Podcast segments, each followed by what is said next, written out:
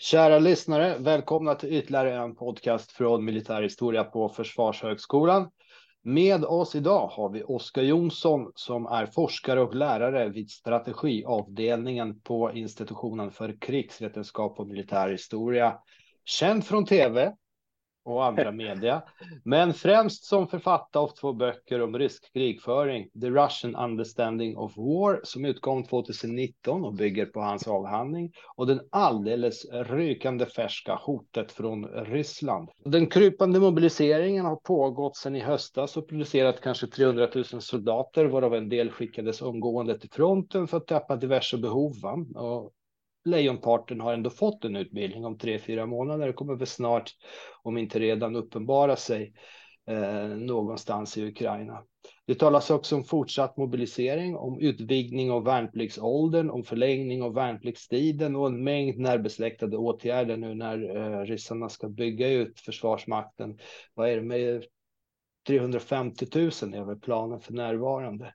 Och då har det skett i vanlig form att det, det har väl eh, inträffat eh, presidentdekret. Och så ska det här då igångsättas. Sen hur det blir i praktiken, det, det kan man ju verkligen sia om. Eh, där har ju också sitt ekonomiska och sociala pris i, i form av arbetare som försvinner då från den inre marknaden. Samtidigt som man tänker sig den här utbyggnaden, Oskar, så, så kan man konstatera att kohorten män i värnpliktsålder har krympt från 1,3 miljoner till kanske 700 000, alltså den årliga kohorten som man kan ta in. Så man kan inte ta in som man gjorde här för flera år sedan. Vad var det? 160 000 om våren och 160 000 om hösten. Stämmer de här siffrorna något sånär eller hittar jag på? Min bild är att eh, vårintaget 2022 efter kriget drog igång så var det på 120 000 eh, som, som räknas eh, full uppnått och höstintaget som blev då efter mobiliseringen blev avslutad, eh, det blev framskjutet, drog igång ungefär i december tror jag, eh, på ytterligare 120 000. Så utöver de eh, där upp till 300 000 som mobiliserades så har man 240 000 värnpliktiga som är igång. Och de kommer man ju försöka med bock att, att sen få, få över till den så kallade specialoperationen sannolikt. Va? Även om det är ytterst, ytterst känsligt ämne, men det vore ganska svårt. Absolut. Eh, de har ju använt de så kallade Mobiki, de nu mobiliserade, till att återuppbygga befintliga förband. Eh, eh, och samtidigt vill de kanske skaffa överskott så småningom, bygga upp ett överskott för att bilda nya förband. Det är det som har varit på tapeten på sistone. Och det är ganska viktigt att återställa också mängden officerare där förlusterna har ju också varit ganska stora. Så att det är officersbrist och man har försökt skapa olika typer av snabbspår för underofficerare men också för duktiga eh, soldater att skickas till, till någon så special typ av eh, officersutbildningar eh, som i princip är då kris, krislösningar eh, i, i den här situationen. Alltså min fråga utifrån allt det här vore liksom, vilka är de ryska förutsättningarna att fullfölja den så kallade specialoperationen utifrån de här planerna, utifrån ryska demografin och den tillgång som finns, eh, mm. kampvilja eller inte som finns eh, och framförallt de här uppbyggnadsplanerna som man tänker sig, alltså den utbyggnaden som skulle ske på flera års sikt. För det, det, det är ju manskap men också utrustning och det, det, det är en mm. senare mm. fråga där. Så vilka, hur bedömer du de här förutsättningarna? Och hur, mm. hur låter den här bilden som jag tecknade i dina öron? Som är betydligt mer insatt än vad jag är. Nej, men om vi, om vi börjar med personalfrågan så är det väl det en av dem som ser mest positivt ut för den, den ryska ledningen. Ehm, som sagt, eh, 240 000 värnpliktiga gick in under förra året. Eh, 300 000 mobiliserades, ungefär 100 000 av dem skickades direkt till fronten, vilket ändå lyckades stoppa Ryssland från att förlora mer territorium. Det var inte bara på grund av mobiliserade, men sen den mobiliseringen eh, så stannade den ukrainska offensiven i, i östra Ukraina. Ehm, så att eh, där har vi, om vi bara gör matten då, så har du 200 000 kvar som utbildas, där ukrainska generalstaben varnar att de kommer komma in i kriget februari eh, och har man tur i mars. Så att det, de borde ju ha då fått tre månaders utbildning. Eh, I bästa fallet, om man var riktigt smarta från den ryska ledningens skull, så skickade man de här 100 000 man skickade direkt ut till fronten, var de med sämst utbildning. Och sen så de 200 000 man gav tre månaders utbildning är folk som har gjort värnplikten, värnplikten eller tjänstgjort i de väpnade styrkorna och har en viss förmåga. Ehm, så att där har vi ändå 200 000 som kommer in i kriget snart. Sen har du eh, 240 000 värnpliktiga, som precis som du sa, som man eh, har försöker tvinga till att ta kontrakt. Eh, det skulle inte förvåna mig om det kommer tilläggsdirektiv att, eh, att man får liksom, tvångs, eh, tvångsanställa dem eller, eller skicka dem till fronten ändå för att få den delen. Och sen så den tredje komponenten är det att eh, det ryktas om att eh, det kommer ske en ny mobiliseringsvåg, det vill säga att när eh, militärkommissariatet, eh, vad igen kommer att är klar med höstintaget av värnpliktiga, att de startar en ny mobiliseringsrunda. Ukrainska generalstaben säger 500 eh, 000. Det låter högt. Säg bara att vi, vi tänker 300 000. Då är det plus de värnpliktiga innevarande 540 000 eh, som man skulle kunna slänga in i kriget. Så att rent eh, räknemässigt eh, så finns möjligheten att få mycket soldater in i kriget. Sen den svårare frågan är vad kommer de här bidra med för förmåga? Rapporterna från fronten är ju att man använt de mobiliserade tillsammans med fångar eh, och liksom skickat dem eh, rakt över fälten för att Ukraina ska beskjuta dem och sen så röjer ja. Ukraina, ukrainarna sina positioner som man sen bekämpar med artilleri och så vidare. Eh, så att i minsta läget så är det liksom kroppar som kan hålla ett gevär och gå rakt framåt. Men Eh, nu har de ändå fått tre månaders tillämpad utbildning så att personliga färdigheten tog vara lite större. Å andra sidan, ryska förluster i förbanden är ju omfattande. Det är liksom, det, har du tappat 50 procent av en bataljon eller en brigad så är det svårt att bara fylla upp det och få ett system som fungerar som en helhet, utan du behöver liksom en, någon som är duktig på att framföra stridsfordonet, Eh, du behöver en vagnchef, du behöver en skytt som kan skjuta och så behöver infanteri som vet hur man bedriver mekaniserad strid. Eh, så jag skulle säga vi får väl se. Eh, det har funnits en tendens precis när mobiliseringen annonserades att det bara är fyllon och, och, och, som inte kan göra någonting. Och det fanns absolut sådana videos, men jag tror att det, det liksom, den ukrainska sidan tar den här mobiliseringen på allvar och det tycker jag vi ska göra också. Så att eh, personalläget är väl det som kanske är starkast eh, för Ryssland. Ja, förlåt, och sen får jag lägga till, du nämnde också eh, dekretet att man har då gått egentligen från att eh, tillåta de väpnade styrkorna att växa från innan kriget så var det upp till en miljon som de hade liksom, mandat för. Nu har det höjts i två omgångar till en och en halv miljon. Att man på sikt då eh, ska bygga upp en halv miljon soldater till. Det är teoretisk eh, liksom exercis, utan nu kommer man ju satsa allt på kriget eh, och det är de, de resurserna som kommer vara där. Och sen om de bygger upp nya förband vid mot, mot Karelen och så, det, det är inte någonting som sker i dagsläget. Utan, men så ser jag i alla fall på personalfrågan. Det, det, det är någonting som ska ske väl på fem, sex års sikt. Eh, om inte jag missminner mig. Ja. Eh, så för när, närvarande här i närområdet kommer det inte hända så ja. mycket, utan jag anser att man har investerat så mycket prestige och, och pengar och liv i, i, i, i kriget mot Ukraina. Så där kommer man komma att fortsätta. Just nu har man ju fullt upp med att inte förlora mer territorium till Ukraina. Så det är ju liksom den, den första uppgiften innan man ens börjar fundera på något annat.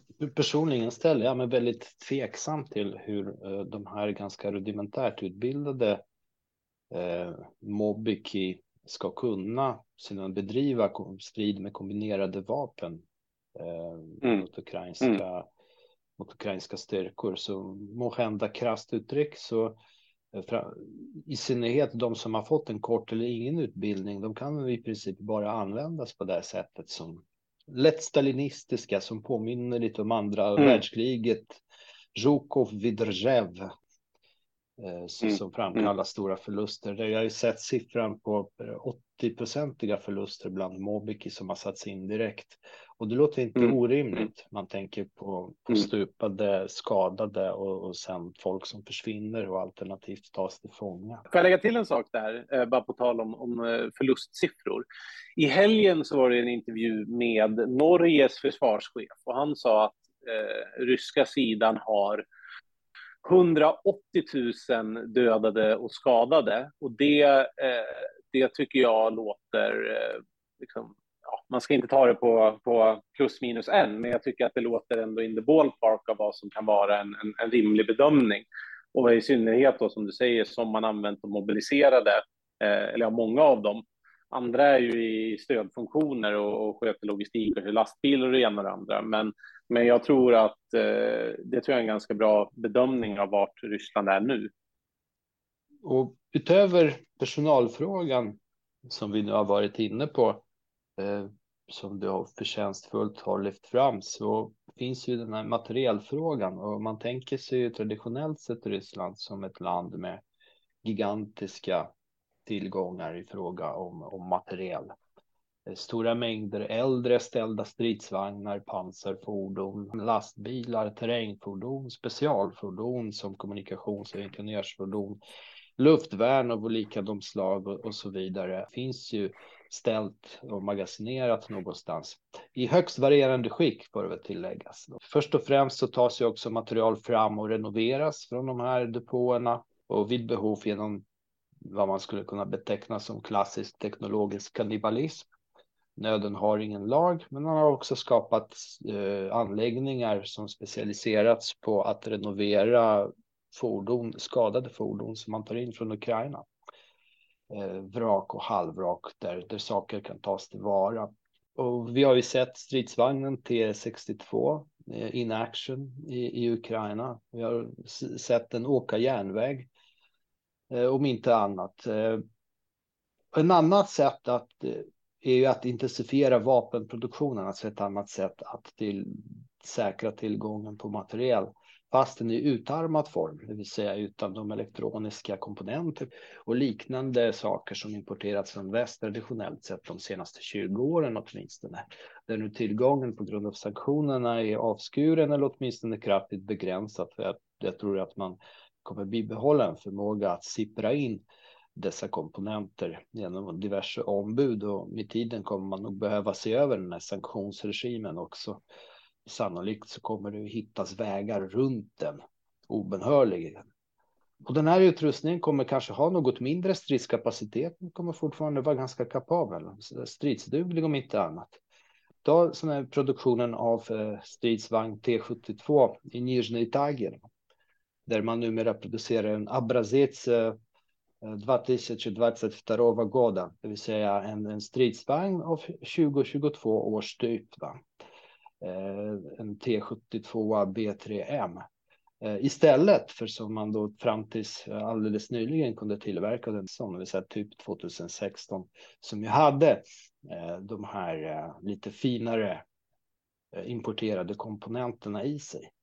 Vilka förutsättningar tror du att eh, ryssarna har för att ta fram tillräckliga mängder materiel och ammunition Klarar de det på egen hand kommer de behöva stöd från allierade, sympatisörer och så kallade neutrala stater. Nej, men om vi, om vi börjar i den sista frågan så eh, fiskar de ju redan allt de kan från eh, de länder som är villiga att göra affärer med Ryssland. Alltså Iran skickar ballistiska robotar och eh, Shahid-UAV, så kallade drönare, i utbyte mot eh, stridsflyg, eh, F eh, förlåt, eh, Su-35.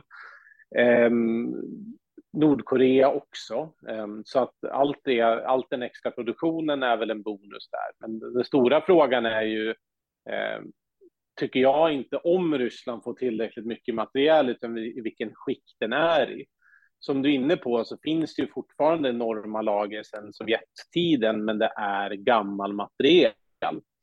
Eh, och den kan man ta av. Eh, men det är där som blir så intressant att lägga samman med det stödpaketet som annonserades ja, i sin helhet i, i fredags i Rammstein, där man från väst del skickar ja, över egentligen två brigader eh, med bara Sverige skickar 50 CV90 eh, mekaniserad bataljon eh, Ehm, som gör att eh, då är det inte så kul att åka runt i en gammal T62 längre ehm, om du har eh, liksom, eh, västliga system som är något decennium äldre. Ehm, har du ingen motsvarighet så, så är det klart att eh, liksom en T62 kan erbjuda skydd och rörelse. Men om vi tittar på det vi vet om den, den ryska försvarsindustrin så är den, till skillnad från de flesta västliga, så, så producerar man extremt mycket i Ryssland. Eh, årstakten på moderna stridsvagnar ligger runt 150 om året. eh, innan kriget och sen dess har man ju ökat skiftgångarna och så vidare. Så att eh, de kan absolut spotta ur sig eh, ett gäng stridsvagnar. Sen är frågan som du säger, vilken påverkan får komponentbristen? Ehm, Kom ut en rapport i veckan från Silverado Policy Accelerator där man hade undersökt ryska handel, handelsmönster och bland annat funnit att man eh, ända månaderna innan kriget hade köpt på sig enorma mängder av det man kom över, i synnerhet då elektronik och, och halvledare och så vidare. Så att någonstans har man också en, en, en initial kudde eh, samtidigt som man jobbar stenhårt med att undvika Eh, exportkontrollerna och sanktionerna, sätter upp parallella värdekedjor via Georgien, Kazakstan till exempel.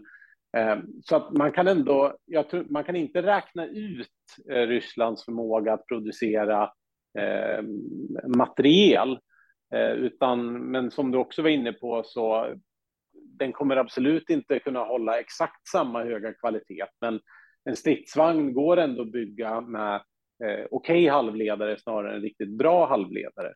Så att tar man den siffran om, om, eh, om stridsvagnar 150 moderna om året och så ökar man på lite skiftgångar så, eh, så är det eh, inte på något sätt motsvarande förlusterna, men det går att producera eh, nya eh, enheter samtidigt som man, man försöker mod, liksom halvtidsmodifiera de gamla. Eh, Återigen blir, blir liksom eh, det tråkiga svaret är, som jag ändå ser, att vi får väl se. Jag tycker att Eh, det är många som för tidigt vill, vill räkna ut Ryssland och säga att nej, men, eh, det går aldrig, de kommer inte kunna, medan det som pågår nu i, i, landet är att man ställer om till en krigsekonomi. Man ställer, man ställer om till ett krigssamhälle där man mobiliserar resurser från staten och folket som man annars inte hade gjort till kriget. Um, och där, där, där kommer det ge, det kommer komma ut saker.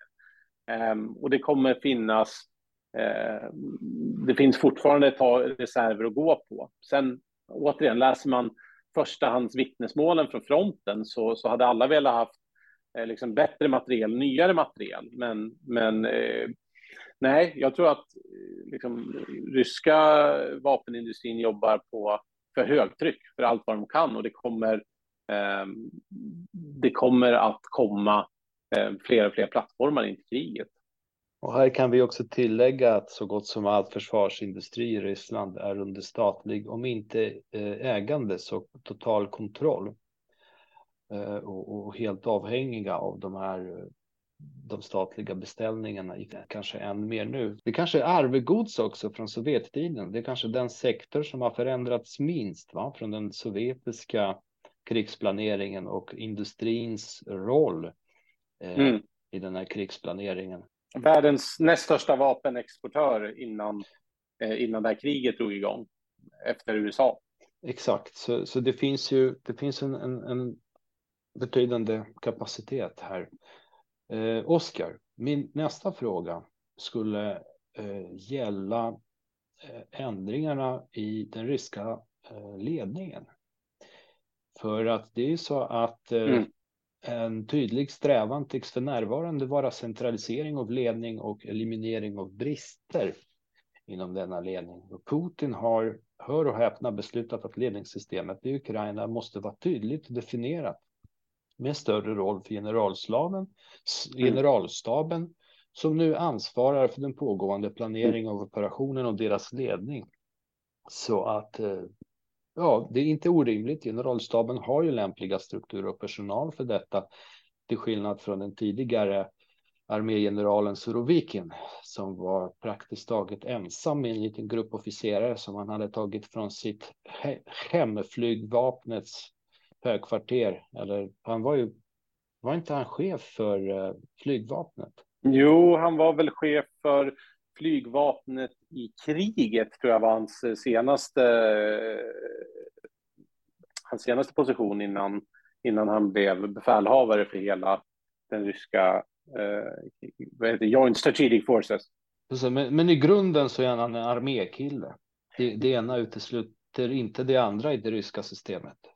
Nej, och eh, är det någonting eh, som det är viktigt att förstå kring det ryska systemet som kanske inte alltid går in är det att han eh, att det ryska systemet är extremt armétungt. Ehm, liksom I Sverige eller USA så, så pratar man väldigt mycket om olika vapenslag och så vidare medans i Ryssland är armén systemet och flygvapnet och marinen är, är liksom några bieffekter där. Ett exempel bara då innan kriget drog igång så var då samtliga militärdistrikt i Rysslands tre högsta befälhavare, alla hade armébakgrund.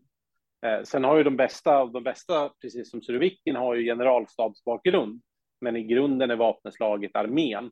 Eh, och det är ju en del också varför, eh, som har väckt mycket debatt i väst, vad, vad har det ryska eh, flygvapnet gjort? Eh, det har mångt och mycket att göra med att de har blivit ledda av armén och det är därför de har haft mycket en roll som en flygande artilleri och eh, liksom skjuta på mål som armégeneraler designerar dem snarare än någon form av liksom västlig eh, flygvapeninsats. Det verkar ju vara sovjetiskt arv för att den här, den här typen av, av ledning, eh, den eh, tillämpade man ju i gamla gamla Polen, alltså Polen innan NATO-inträdet, innan reformerade mm. polska försvarsmakten, om inte jag missminner mig. Men Surovikin mm. avsatt. Han är, han är utbytt mot Gerasimov. Eh, Surovikin som inte gjorde, alltså om man, om man ser till exempel tillbakadragandet från, från Herson och så, så är det inte en orimlig, det är snarare fullständigt rimlig åtgärd. Eh, och nu har man eh, Gerasimov också han tycks ha inlett krattandet efter eget huvud ordentligt genom att avskeda VDV-chefen, generalöversten Michail Teplinski, som var direkt ansvarig för genomförandet av, av tillbakadragandet från Dnipros högra strand i, i Hersonlänet eh, i höstas. Så att det är någonting som pågår. Hur bedömer du de här försöken att eh, optimera ledningen, deras förutsättningar att lyckas? Men jag, jag, tror att det finns ett par saker som, som pågår samtidigt. Eh, den största av allt är väl såklart när generalstabschefen blev direkt ansvarig för styrkorna i Ukraina. Eh, jag tror att ja, försvarsdepartementets statement var att det, det, var för att uppgifterna har, har svällt så mycket i Ukraina. Därför måste man ha, ha mer, mer senior ledning. Eh, det tror jag absolut stämmer, men jag tror att det finns en politisk dimension i det också som är att eh, Gerasimov har inte levererat fram tills nu. Eh, och det finns såklart en lång debatt kring hur mycket av det här var generalstabens fel och hur mycket av det här var FSBs fel när man drog upp de initiala planerna. Och det är svårt för oss att veta eh, exakt vad det är. Men vad en Gerasimov sa som sitt bästa militära råd innan det här kriget och han trodde att det skulle gå, eh, så har han gjort fel. Han och Shoigu har eh, ganska stor del av kriget varit osynliga, gömt sig från media och inte sett göra någonting. Eh, och det är lite som att man har peggat upp för att de ska bli syndabockarna för det här kriget. Och jag tror att det här går att läsa in som ett steg i det, det vill säga att nu får Gerasimov inte bara Rysslands högsta militär utan nu får han direkt ansvar för operationen, vilket gör att om det inte kommer någonting positivt ur den här snart kan det vara så att det är han som får gå. Eh, och så säger man, nej, vi har haft inkompetent militärt ledarskap. Eh, Surovikin blev ju, han är ju fortfarande vice eh, ställföreträdande chef då under Gerasimov för det här kriget. Så i praktiken så är det nog absolut inte så, så att Gerasimov kommer vara ute vid fronten eller säga att styrkorna ska gå till, till höger och vänster om den där bergskammen, utan jag tror att eh, Surovikin kommer bibehålla den, den eh, mer operativa befälhavandet av, eh, av själva kriget. Men jag tror att det politiska i det här är att eh, nu är det mer uttryckligen Gerasimovs ansvar. Eh, och om det inte liksom, på något sätt väsensskilt blir bättre så kan han komma att ryka eh, för att ta det ansvaret. Angående sparkandet av, av VDV-chefen så är ju VDV eh, också några av dem som, som ja, man skulle väl kunna säga har gjort sämst ifrån det här kriget, tog enorma initiala förluster. Eh, ska man vara lite snäll i tolkningen så skulle man säga att det kanske inte var deras roll som användes perfekt i alla fall, men VDV har i alla fall inte levererat. Så att, och jag tror att man måste göra det här. Det finns ju ökande grad av eh, osämja inne i Ryssland, det man kallar militärbloggar-communityt, men även Prigozjin som är chef för Wagner, Kadyrov som är tjetjenska ledaren, har ju kritiserat försvarsministeriet och uttryckligen Gerasimov eh, kring det här. Så att eh, alla vet ju att det är Putins krig, men han kan man ju inte kritisera, så nu måste ju någon ta kritiken. Och i det ljuset så, så tror jag att eh, Gerasimov tar ansvar för kriget och han får också ta konsekvenserna om det inte blir någonting som blir märkbart bättre eh, inom den kommande månaden, månaderna. Ja, den som lever får se. Men jag, jag förväntar mig inga stordåd från Gerasimov.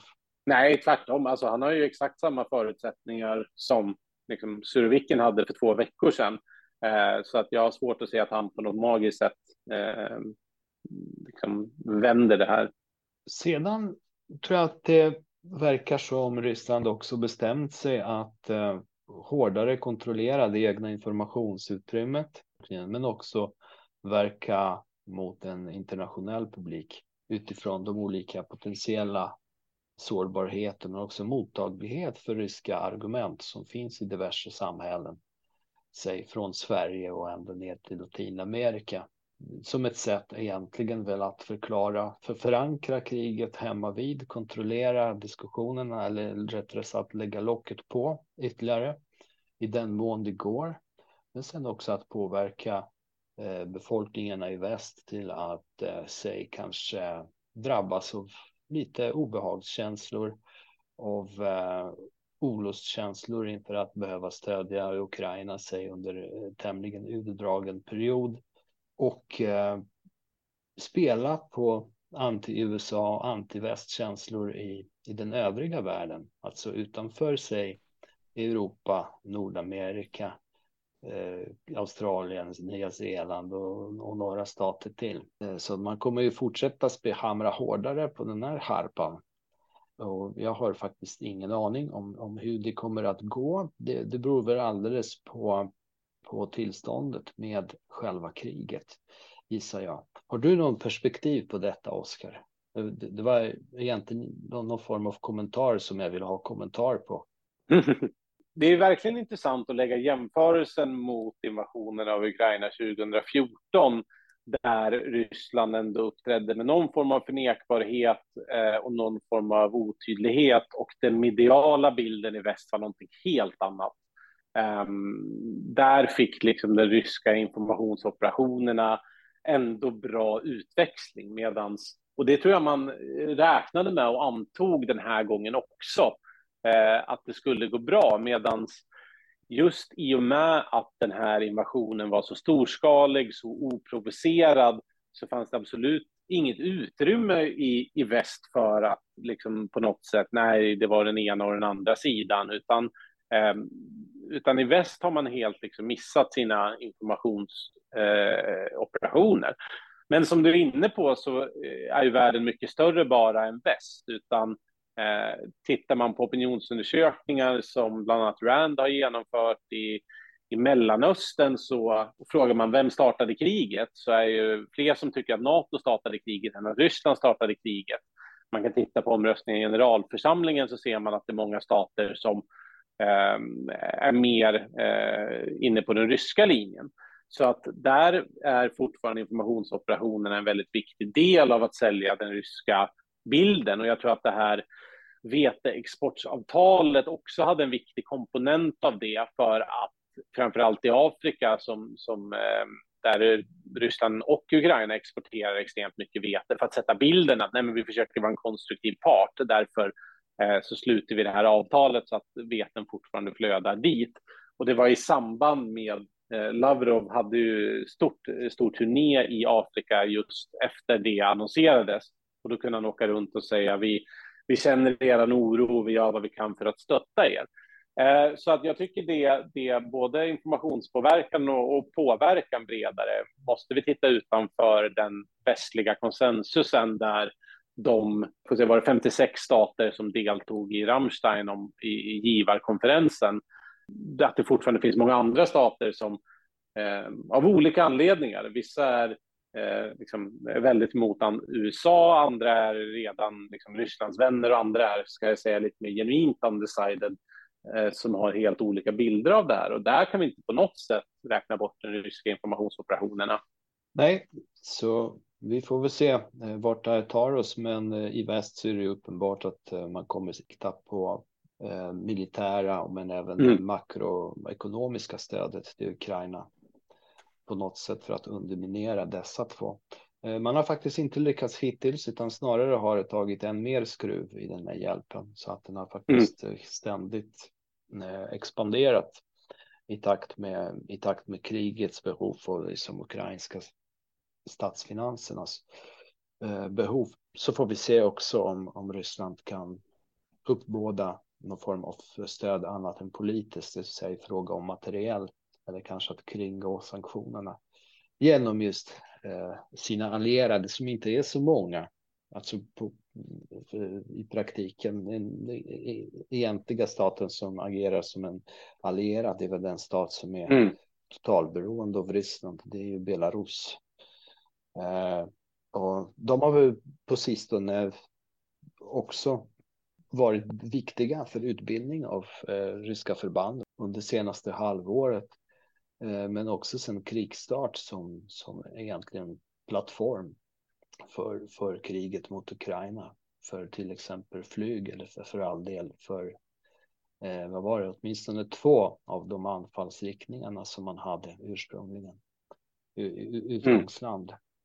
Mm. Eh, om, om, vi tänker på Belarus, eh, hur tror du att utvecklingen kommer vara där? Och då tänker jag på att vissa kraxar om att de på något sätt eh, skulle, skulle gå in i kriget medan andra säger att de inte alls gör det. Men det finns också ytterligare grupp som hävdar att deras eh, då fullständiga fyra till fem brigader skulle knappast göra någon skillnad i sammanhanget. Vad tror du om den utvecklingen? Nej, men jag tror att Eh, jag tillhör definitivt de som inte ser att Belarus går in i kriget nu. Eller först kan man väl säga rent folkrättsligt så är ju Belarus att betrakta som krigförande när man upplåtit sitt territorium mot Ryssland att anfalla därifrån. Så att rent legalt så är de faktiskt krigförande redan. Eh, men jag ser inte att eh, är det någonting som skulle göra liksom, försämra Lukasjenkos eh, lösa grepp om makten ännu mer är om man går in fullständigt i kriget. Och som du säger, de har inte så mycket förmåga att göra det heller. Eh, absolut så ska man vilja från rysk sida försöka pusha Lukasjenko att gå ditåt, men det borde han hålla sig borta ifrån. Eh, om Ryssland skulle lansera en ny offensiv från, från Belarus så skulle vi ändå få ganska bra förvarning Eh, på det från liksom, satellitbilder. Så det, det har inte jag satt, sett tecken på än så länge i alla fall. Men det man kan säga om Belarus roll nu, det är ju framför allt som någon form av strategiskt djup. Att det är så mycket militär utbildning med de mobiliserade hos Ryssland att de får öva i Belarus. Belarus öppnar sina vapenlager till Ryssland med artillerigranater och så vidare. Ehm, och eh, de håller på att ja, men stöttar utbildning och, och, logistik och så. Och det tror jag är väl den mest sannolika rollen för Belarus framgent. Och, eh, det är jag än så länge lugn kring, men det är värt att hålla ögonen på eftersom det det pågår en del. Ja, det är riktigt. Det, det är riktigt tokiga, det vill säga själva storskaliga invasionen i sig har ju redan hänt. Så att på, på något sätt så normaliseras mm. ständigt nya tilltag. Så alltså, eh, ett anfall genom Polesien, genom, genom träsk och våtmarker mot, eh, mot Moldova som det spekuleras om. Eh. Det är osannolikt, men det andra, skulle å andra sidan inte, inte kanske förvåna mig djupt. Även om de polesiska träsken har ju traditionellt sett delat in krigföringen i området i två olika delar. Det finns väl en kanske sex, sju stora asfalterade vägar igenom där. Eh, om man tittar på kartan.